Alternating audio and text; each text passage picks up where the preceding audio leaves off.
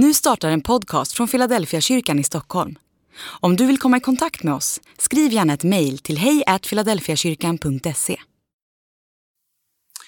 Dag 299. Var nöjd med allt som livet ger. Den som gapar över mycket mister ofta hela stycket. Det finns ett otal ordspråk som sätter fingret på en sorts omättlighet hos oss människor. När ska man vara nöjd? När har man så mycket att det räcker? Finns det människor som känner tacksamhet för det de har och inte saknad för det de inte har?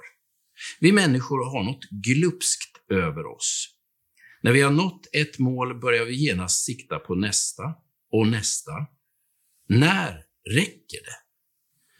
När jag läser skapelseberättelsen så tänker jag att Adam hade allt man kunde drömma om och lite till.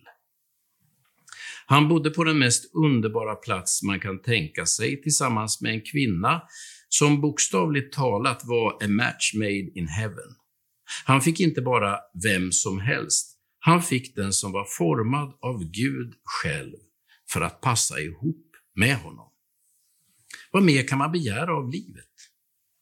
Om man har fått allt det Adam hade, då tycker vi kanske att man har allt. Men Adam själv trodde att det fanns mer att få. Han och Eva faller för lögnen att de skulle kunna bli som Gud.